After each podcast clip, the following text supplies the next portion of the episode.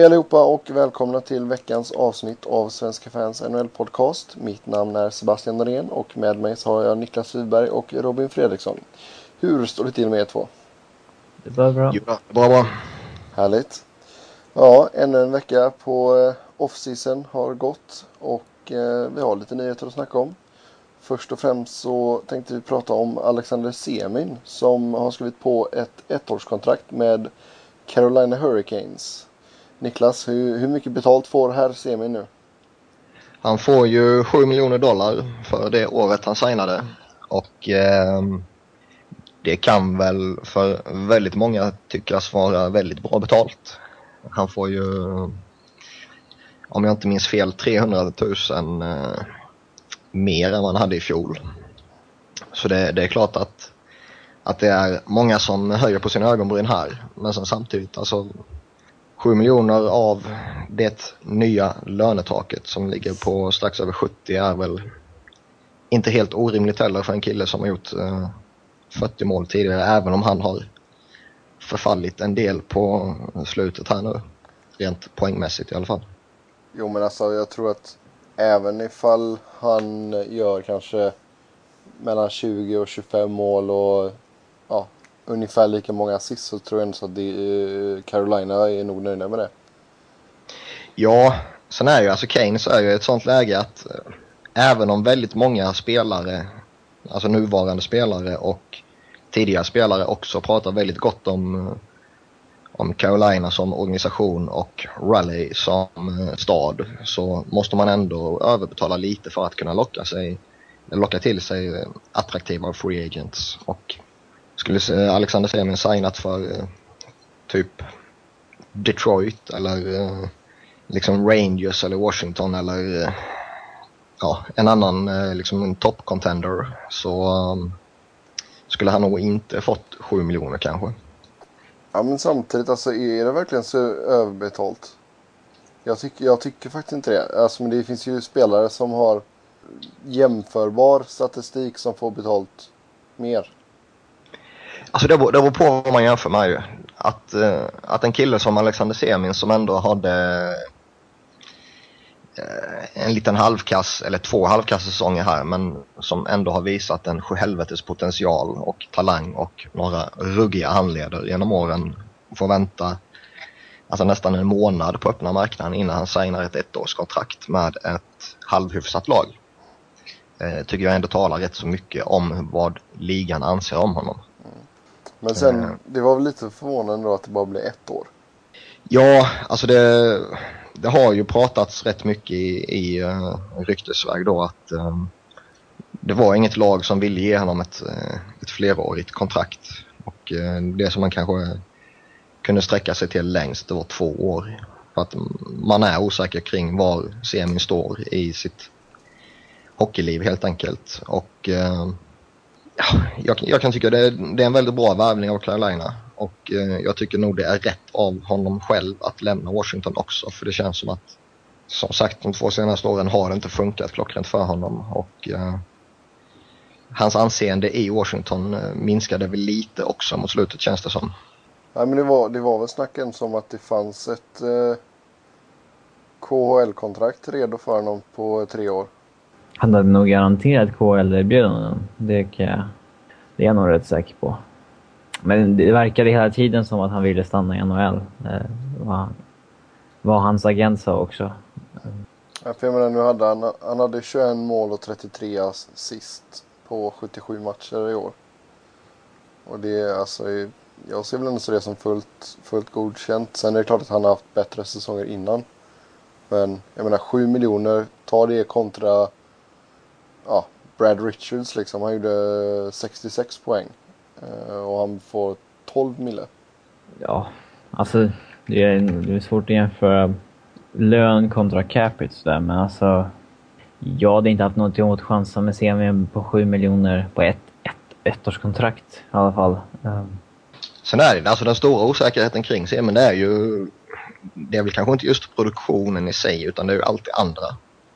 Eh, hur mycket vill han egentligen spela hockey och hur mycket vill han dra det till sin spets liksom. Och hur mycket är han redo att offra och hur mycket försvarsspelare han redo att spela och, och hela den biten. Och, och jag säger inte att han är dålig på det på något sätt utan det är väl snarare det som, som cirkulerar i rykteskarusellen från ligan liksom. Att det, det är där frågetecknen kring honom ligger.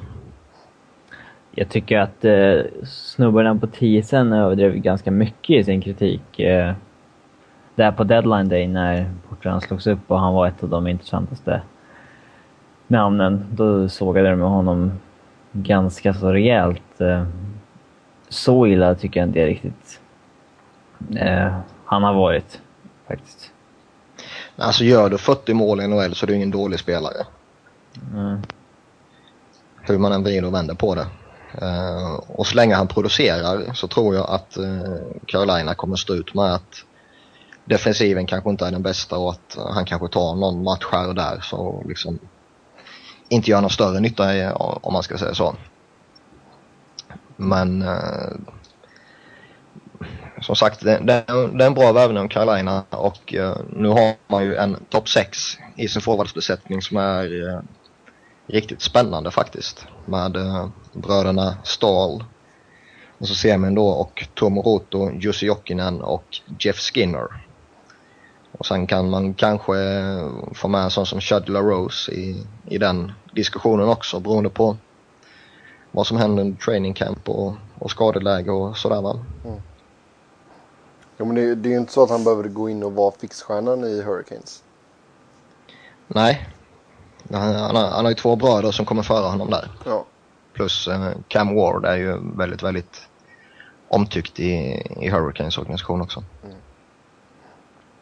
Yes, är vi klara med semin där? Hur, hur, hur, tror vi det kommer gå för honom?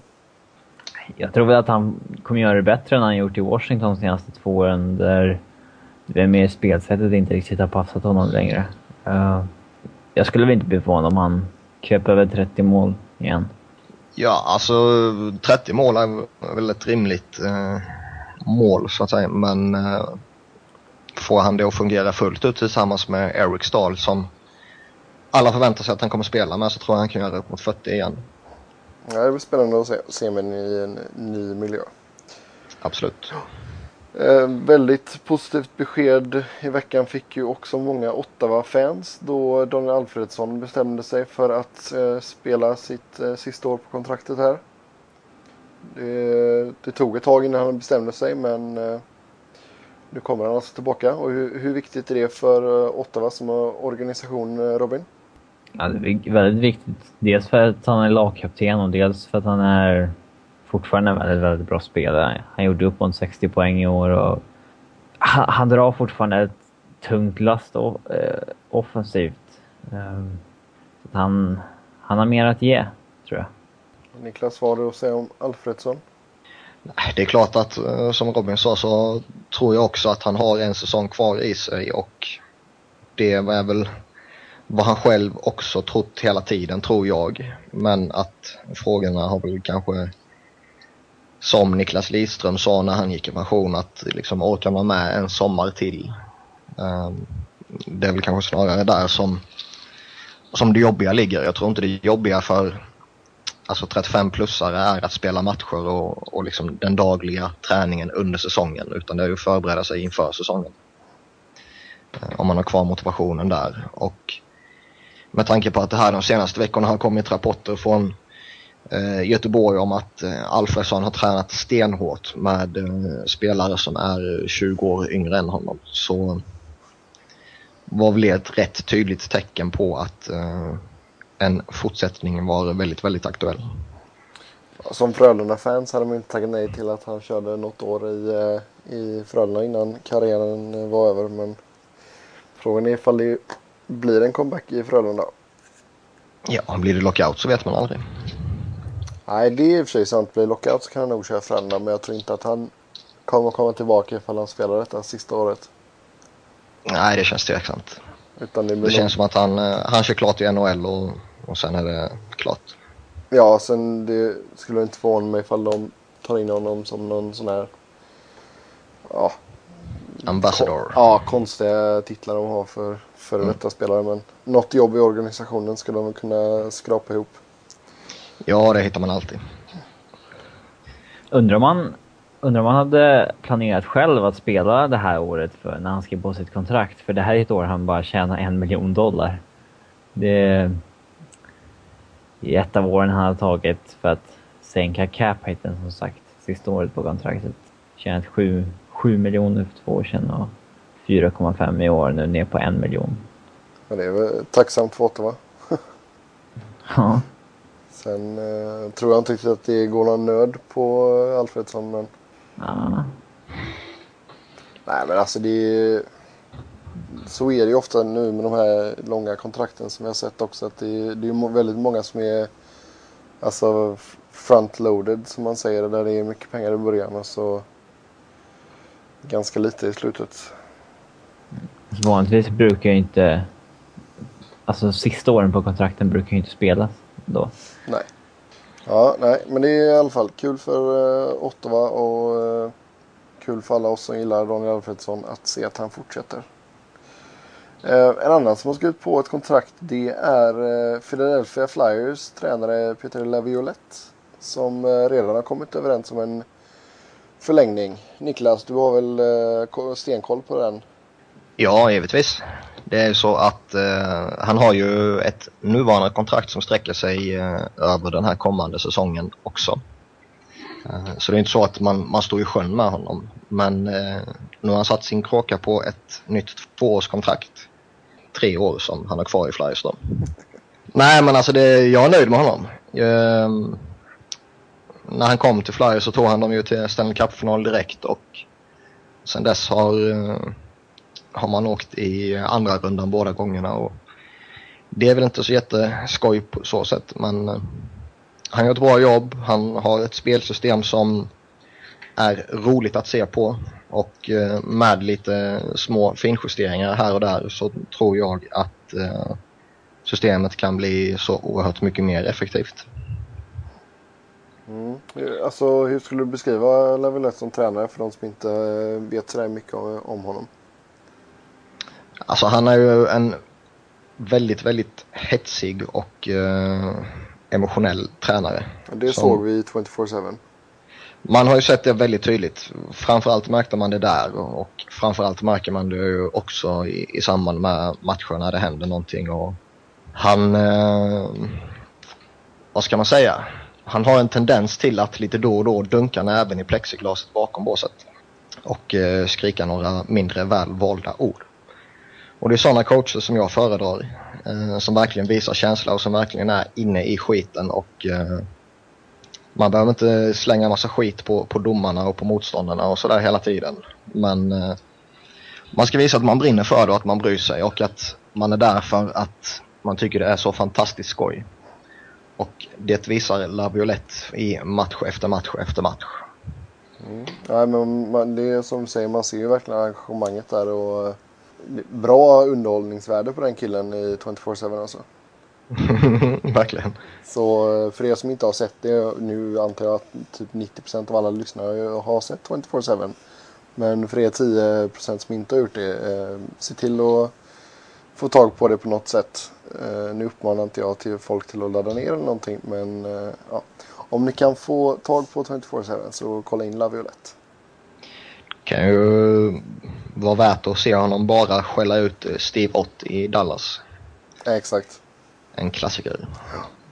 Ja, För att sen inte minnas vad som hade hänt heller.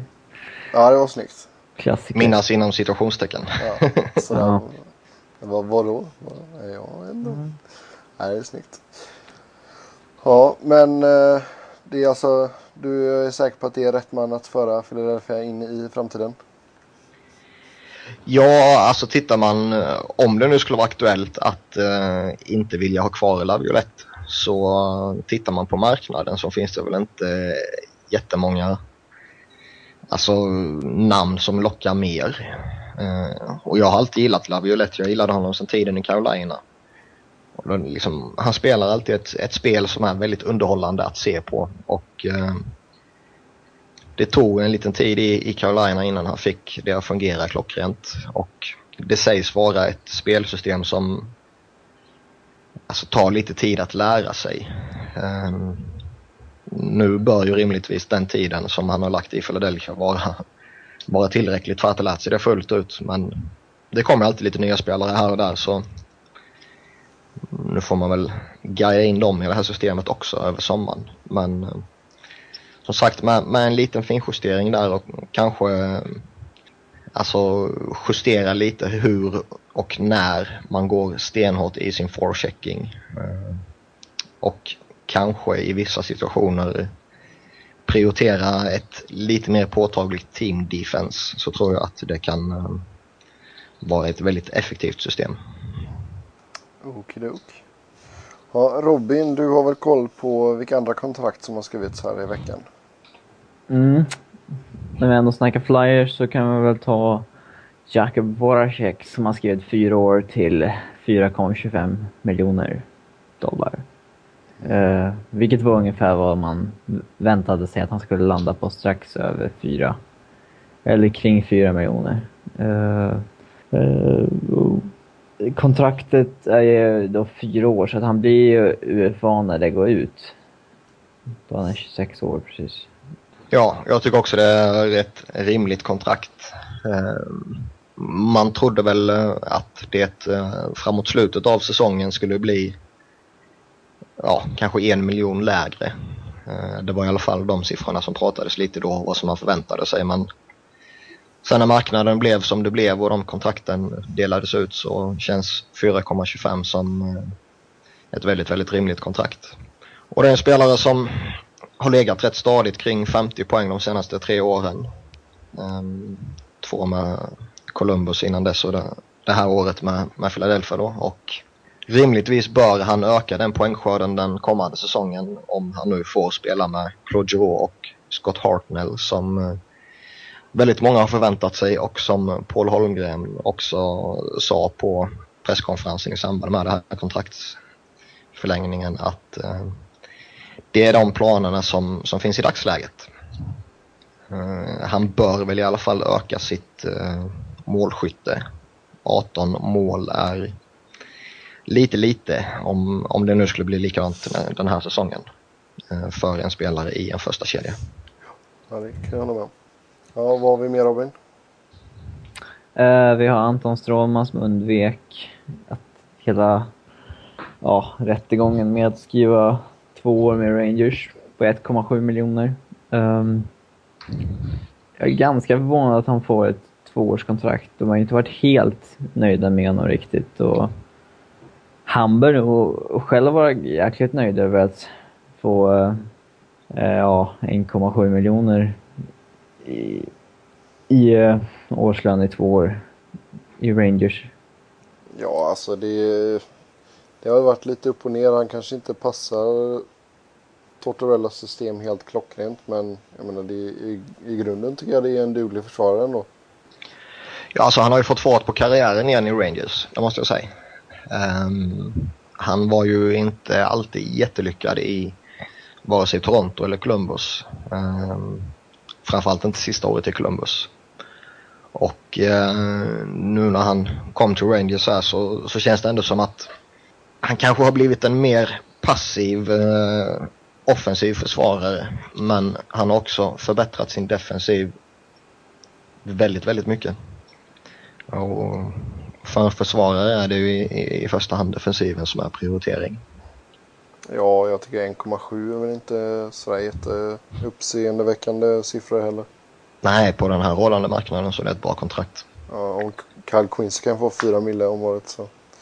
Du har en poäng. Ja. Det blir kul att se eh, här nu när det blir lite bra backar som blir eh, RFA och så nästa säsong. Hur mycket de kan håva in. ja. Ja, vad har vi mer Robin? En till svensk. Tobias Enström. Som har skrivit fem år till en capita på 5,75 miljoner. Inklusive en moment-klausul. Och det är väl, eh, det är väl kanske fetaste laget med tanke på att han, han gjorde bara 33 poäng i fjol. Kanske någon, någon miljon för mycket kan jag tycka, men eh, ja, inte hela världen.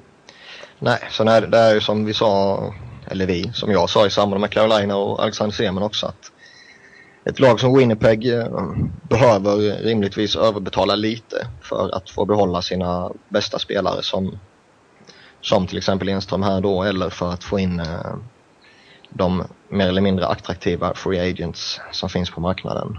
Och, eh, Enström var ju ett namn som eh, nämndes som en av de absolut hetaste UFA-erna som kommer nästa sommar.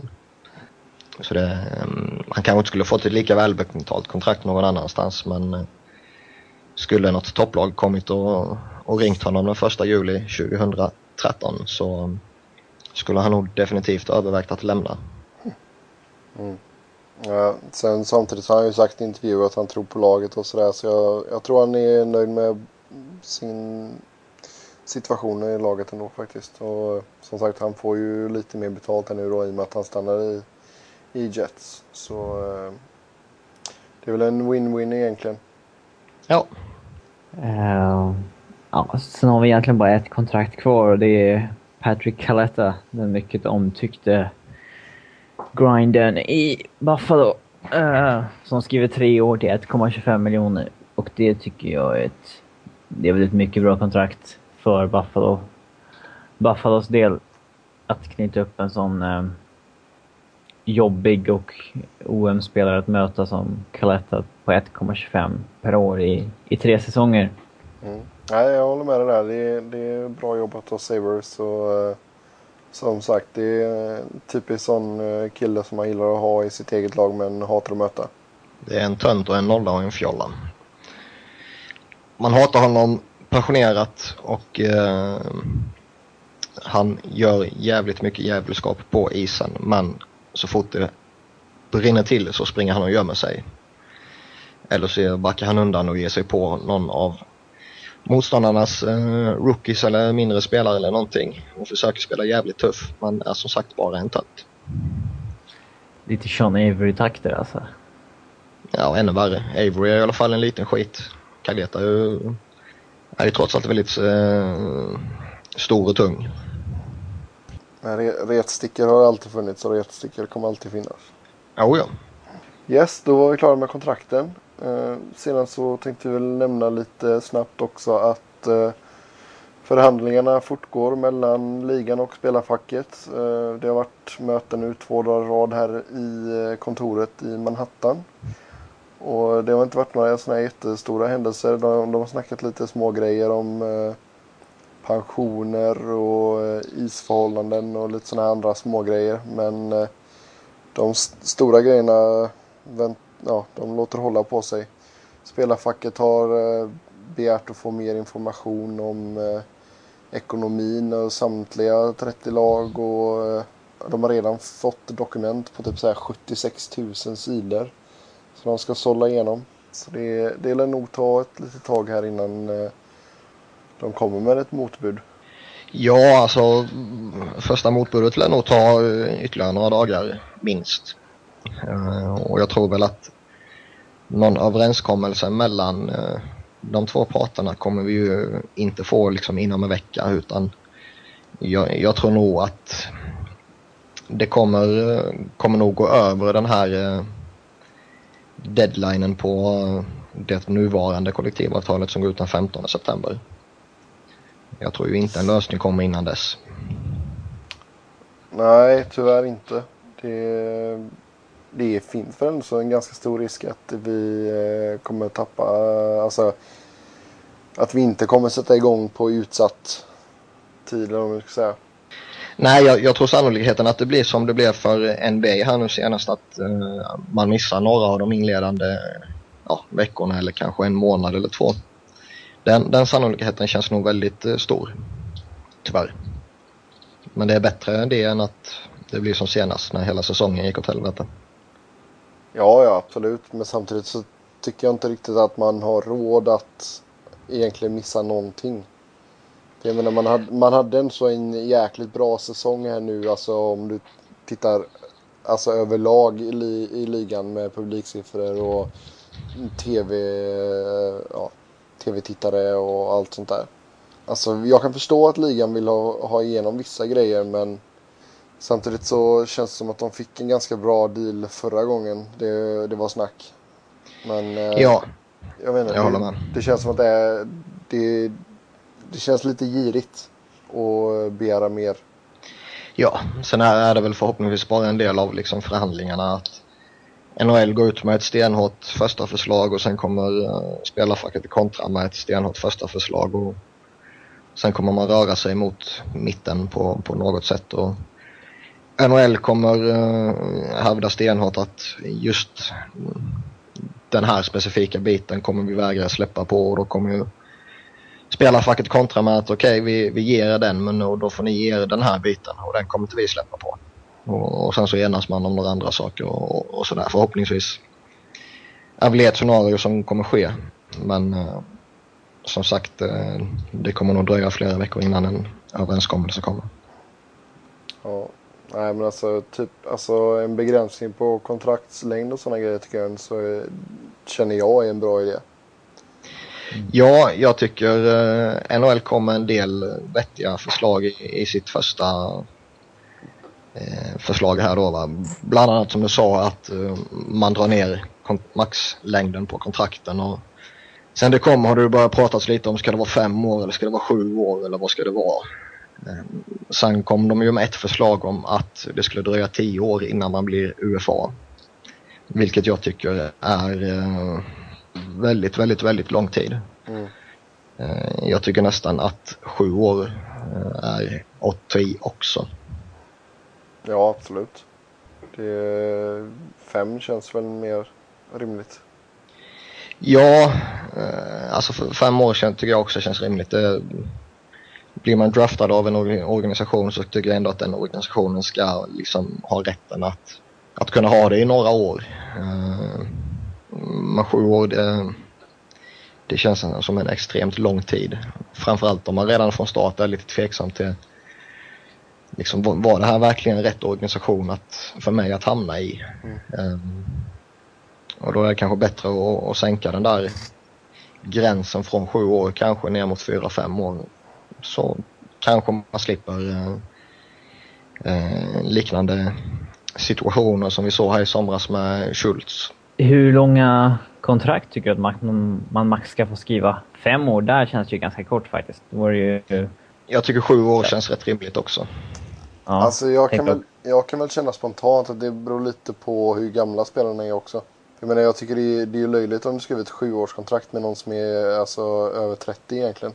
Ja, det blir lite snedvridet. Eh, och sen, sen tror jag nog också att eh, om man gör om strukturen på vad som räknas i capiten.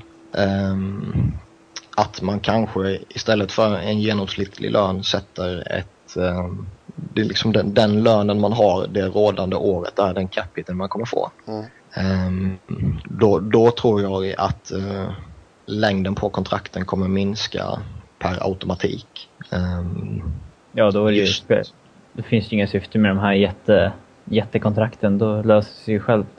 ja, precis. Ehm, och visst, ekonomiskt kanske det inte gör någon påverkan eftersom det bara är några få, eller i sammanhanget få miljoner som, som försvinner på de sista åren. Men man slipper i alla fall de här eh, 12-13 års kontrakten och då kanske de istället blir ja, sju år. Eller kanske ännu mindre. Folk eh, kanske inte vågar ta den här chansningen då.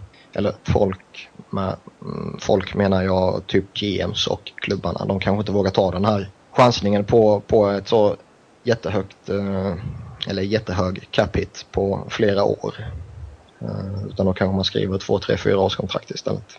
Alltså jag, jag kan förstå att spelarna inte har någonting emot de här jättekontrakten för det, är ju, det ger ju dem en viss trygghet ändå. Oh ja.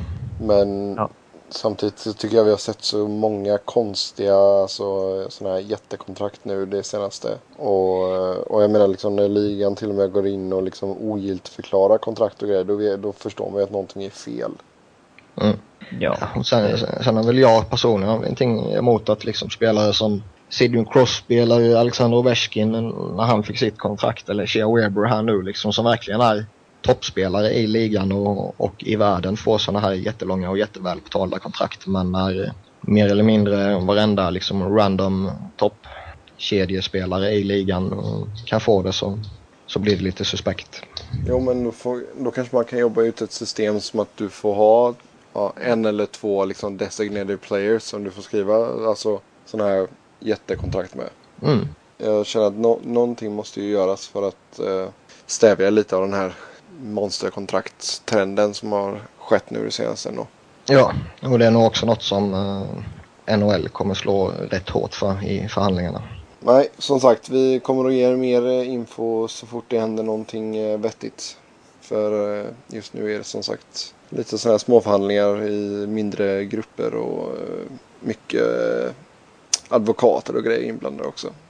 Om vi ger oss på lite surr runt om i ligan så Shane Doan har ju fortfarande inte bestämt sig för vad han vill, vill göra men det är som så många gånger förr så eh, sägs det att han har satt en liten deadline eh, när han vill ha besked om ägarfrågan i Phoenix. Samtidigt så eh, kommer det uppgifter om att han söker ett fyraårskontrakt eh, värt runt 30 miljoner dollar. Är, är det realistiskt för en 35-åring? Nej, det kan inte jag tycka.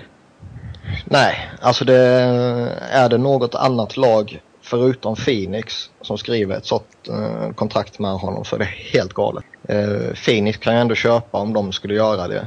Eh, med tanke på vad han har betytt för Phoenix genom alla åren och hur lojal han trots allt har varit genom alla åren trots diverse problem fram och tillbaka. Eh, så där är det väl en sak, jag säger inte att det, det är rätt men det är väl inte fel heller om det skulle bli med Coyotes. Däremot får han det någon annanstans så är det ju helt galet. Ja, alltså ska, ska han ligga på en cap hit på 7,5 miljoner dollar? Det, är, Eh, han, gjorde, han gjorde 50 poäng i fjol. Det var ett tag sedan han var upp. Eh, det var ett tag sedan han var en, ens nära att vara nosad på en poäng per match. Visserligen har han spelat i ett kastlag, men alltså Whitney gjorde ju över eller precis under en poäng per match i Phoenix. Och Don bidrar med mycket annat också men en capita på 7,5 miljoner är, det är absolut det kraftigaste laget för honom och han eh, fyller dessutom 36 år i oktober. Skulle någon eh, signa han för 7,5 miljoner Alltså i fyra år då. Det, det, det, det vore helt galet faktiskt. Nej men som, som ni säger där så i Phoenix så kan jag så se att han eh, skulle kunna få det. Eh, med tanke på vad han betyder för föreningen liksom. Men eh, jag kan väl inte... Eller jo, det är klart jag förstår honom på ett sätt. Men samtidigt så... Hela den här grejen med ägarfrågan och sådär. Även ifall det inte löser sig så Phoenix är fortfarande kvar i... Eller Coyotes är fortfarande kvar i Phoenix kommande säsong oavsett vad som händer. Så då kan han lika väl skriva på ett ettårskontrakt och sen antingen be att få bli tradad vid, vid deadline. Eller liksom gå vart han vill nu ifall laget skulle försvinna till nästa säsong. Eller alltså inte mm. säsongen 13-14. Sen är det ju det, alltså skulle han få ett sånt kontrakt som det pratas om så Alltså det, det lär ju inte vara ett problematiskt kontrakt säsongen som kommer här. Kanske inte år två heller. Däremot tre och framförallt fyra kommer ju vara väldigt, väldigt stora frågetecken i, i ett sånt kontrakt med just, just med tanke på att vi vet vilket förfall en spelare kan få när man kommer upp till åren eh, strax under 40. Särskilt en sån som Doan som lever liksom mycket på sin fysik och kraft och... Ja, alltså man kan ju till viss del jämföra honom lite med typ Mike Knubel som eh, nu är ju mm. Doan lite, lite bättre på allting egentligen och, och, har varit det de senaste åren. Men Knubel hade ju också en, en, en väldigt stark fas i sin, eh, sin alltså sena karriär om man säger så. Men eh, förfallet kom ju jättefort för hans del och något oväntat också med tanke på att det blev så väldigt bryskt. Mm. Ja, vad, vad har vi annars för uh, rykten som uh, går runt i ligan, Niklas? Ja, en sån som Jason Arnott pratats om lite och uh, han verkar återigen vara en sån här spelare som vars framtida öde påverkas rätt hårt av den här ja, döda marknaden om man säger så. Um, på samma sätt som, som det spekulerades i att marknaden stod stilla på grund av liksom vad som skulle hända med, med Semin och, och Nash och etc. Så, så verkar marknaden stå stilla nu för att lag vill se vad som händer med Shane Doan. Mm. Um, och samma sätt påverkar Jason Arnott. Uh, nu sägs det att Vancouver är lite sugna på honom och uh, kan se honom i en centerroll i kanske tredje kedjan. Men att eh, de också kommer avvakta just Doan och se vad som händer där. För de vill ha honom också. Mm. Eh, och jag, jag tror nog att det är några andra eh, topplag som resonerar på ett liknande sätt just kring eh, Jason Arnott. Ja, nej, men alltså, tittar man överlag över vilka, liksom, vilka namnkunniga spelare som är kvar ute på öppna marknaden så det är det är ganska förvånande hur många det är som är alltså över 35 till och med. Det är många gamla veteraner ute. Som, som ändå så räknas som liksom de topp 30 som är kvar liksom. Ja, ja. Ja, det, är- det är lite... Jag vet inte. Det, det har varit en riktigt dålig free agents i sommar förutom eh, ett par stora namn. Ja, alltså beroende på hur man ser på den så har den antingen varit jättetråkig eller så har den varit helt fantastisk. Eh, Med tanke på att vi ändå har haft rätt många stora saker som har hänt. Men mellan de här stora sakerna har det ju inte hänt jättemycket. Nej. Ja, det beror väl lite på vilket lag man håller på helt enkelt. Jo, det också. Är man Minnesota-fans har det varit den bästa sommaren eh, någonsin tror jag. Ja, i princip. Men det är som du säger liksom. Det, det, är de här, det har varit de här topp, jättetopparna. Men sen har det liksom inte funnits som mellanskikt. Och sen är vi liksom, nu är vi nere i botten liksom. Ja, ja, precis. Så det, jag menar när Dan, Dan Ellis räknas som en av de hetaste målvakterna. Då är det illa. Då är det riktigt illa. Det är alltså, hade jag varit ett lag som behöver en målvakt nu och då hade jag fan gråtit blod ifall jag kollar på öppna marknaden. Mm. Eh, nästa sommar kan det ju bli en riktigt intressant free agency när, eh, när både Ryan Getzlaff och Corey Perrys kontrakt går ut och bägge är UFA. Om Anaheim har ett riktigt dåligt år så ja, kan de nog tappa bägge två. Och känns det lite som eh, tappar de en av dem tappar de nog bägge. Sen har vi Jerome McGillna som kommer ut på marknaden också. Lite annat gött. Framförallt ska det bli väldigt spännande vid eh, kommande trade deadline. Mm. Om eh, Anaheim är i princip borta ur slutspelsracet och eh, varken Getzlaff eller Perry har skrivit nytt kontrakt. Och eh, känslan är att de kanske inte kommer göra det. Så kommer det bli sjukt spännande att följa Anaheim då. Med tanke på att det är två fantastiska spelare, även om Sebbe hatar Getzlaff. Ja, men jag tänkte just säga det. Hade jag varit Brian Burke så hade jag ringt Getzlaff imorgon och sagt det att det finns en blank check som väntar på dig här nästa sommar. Mm. Ja, Problemet alltså- är att det är tampering. Ja, jo, jag vet, men man får sköta det snyggt. Han kan skicka... Man får, gå, man får gå via spelare så får de eh, prata lite så, Nej. som, som kompisar. Exakt. Nej, för alltså, jag menar det... Alltså ni som har lyssnat på podden innan vet att jag gillar verkligen inte Getzlaff men alltså det är ett understatement. Eh, men alltså det, det är ju verkligen en sån spelare som Toronto har saknat sen uh, Mats Sundin av. Eller Mm. av, gick till Vancouver. Fan, Ja, man, glöm, alltså- man glömmer nästan av att Sundin gjorde en liten stint i Vancouver. Ja, det var på ett sätt undrar jag honom en Stanley Cup utöver allt annat. Men eh, det är också lite tradigt en spelare som har spelat hela karriären i förutom eh, första, första, första tiden i hela, en hel organisation. Ja, han var ändå så Toronto liksom. Ja, ja. Ja, eh, nu ska vi inte snacka om det. Eh, men det är, som du säger där Robin, det är, det är väldigt intressant. Och jag menar, jag, jag tycker Anaheim, eh, alltså ända sedan man vann Stanley Cup där 07 så tycker jag man har liksom varit sakta men säkert har det bara gått neråt.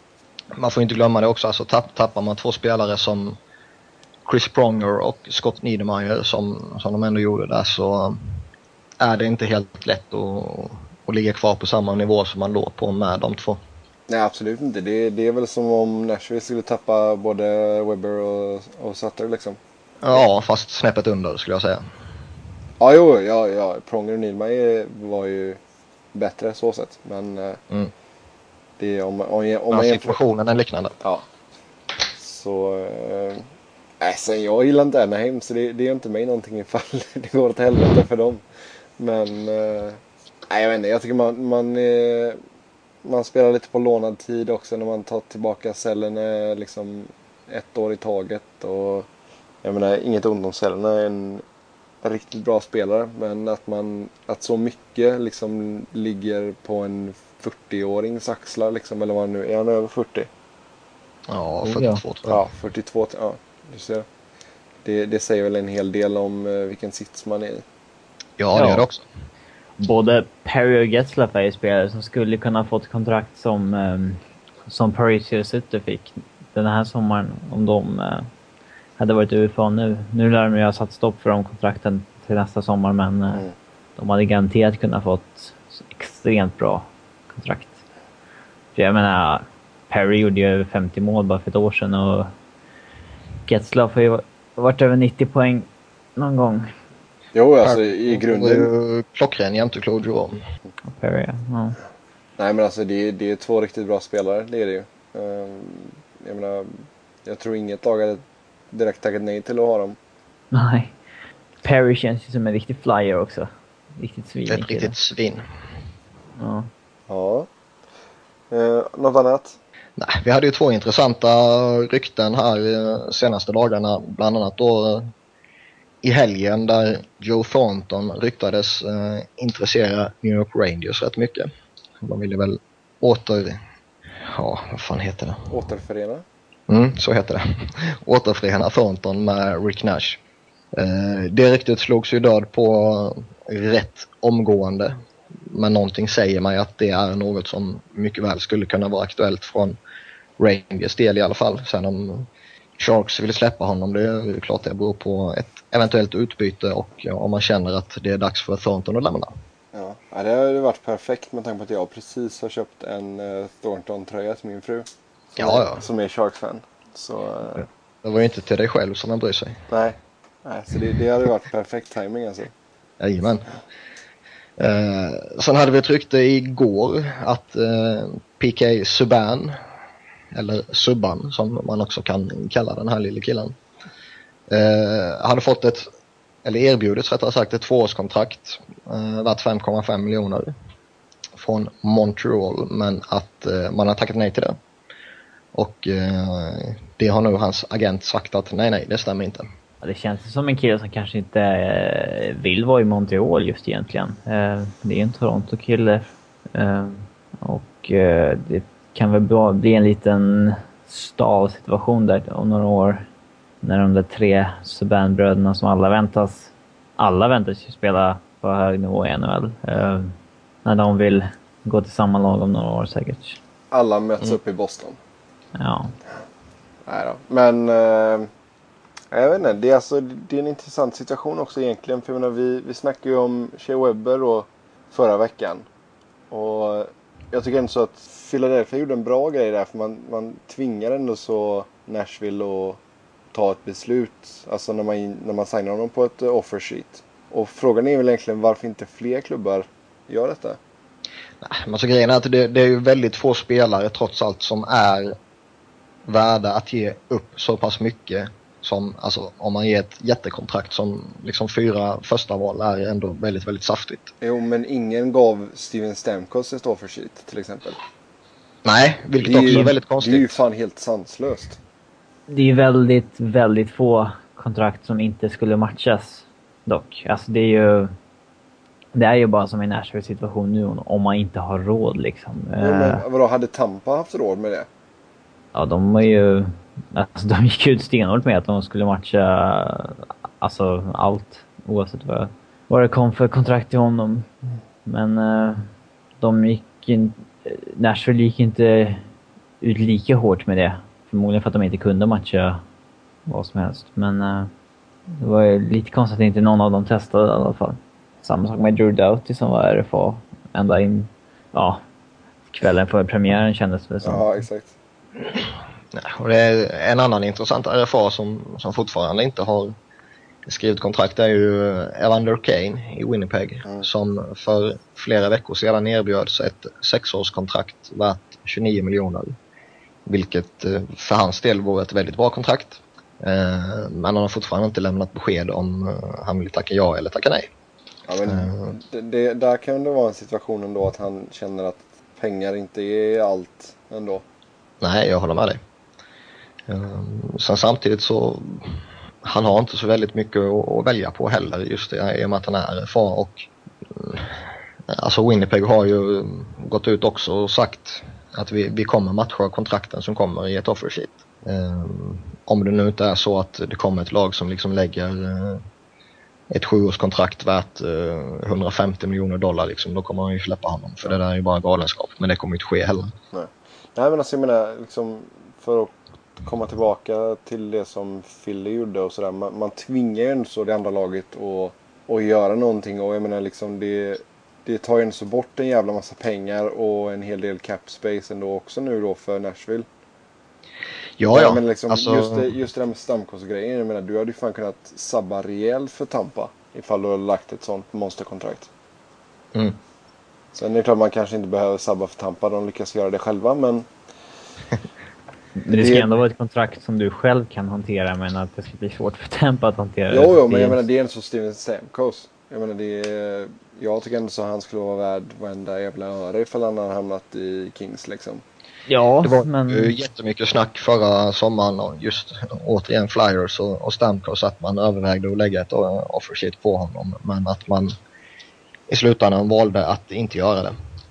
Man tyckte synd om Tampa helt enkelt. Ja, det är, de skiter fullkomligt i Tampa. Men eh, jag tror mer att det handlade om liksom att eh, okej, tar vi in Stamkos här då kommer inte Claude Giroux få det utrymmet som vi vill att eh, han ska få liksom.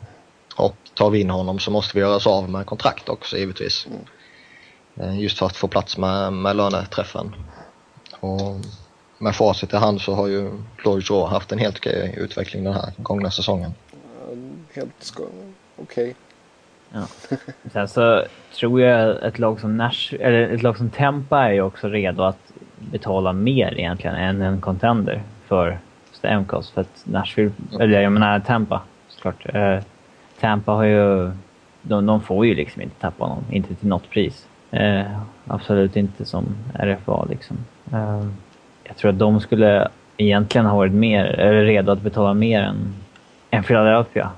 Även fast Philly är en ekonomiskt starkare organisation. Jo men alltså kan man, kan man lägga någonting som är så jävla front heavy som Webbers liksom. Det, det ska nog ändå ställa till det för en hel del lag tror jag.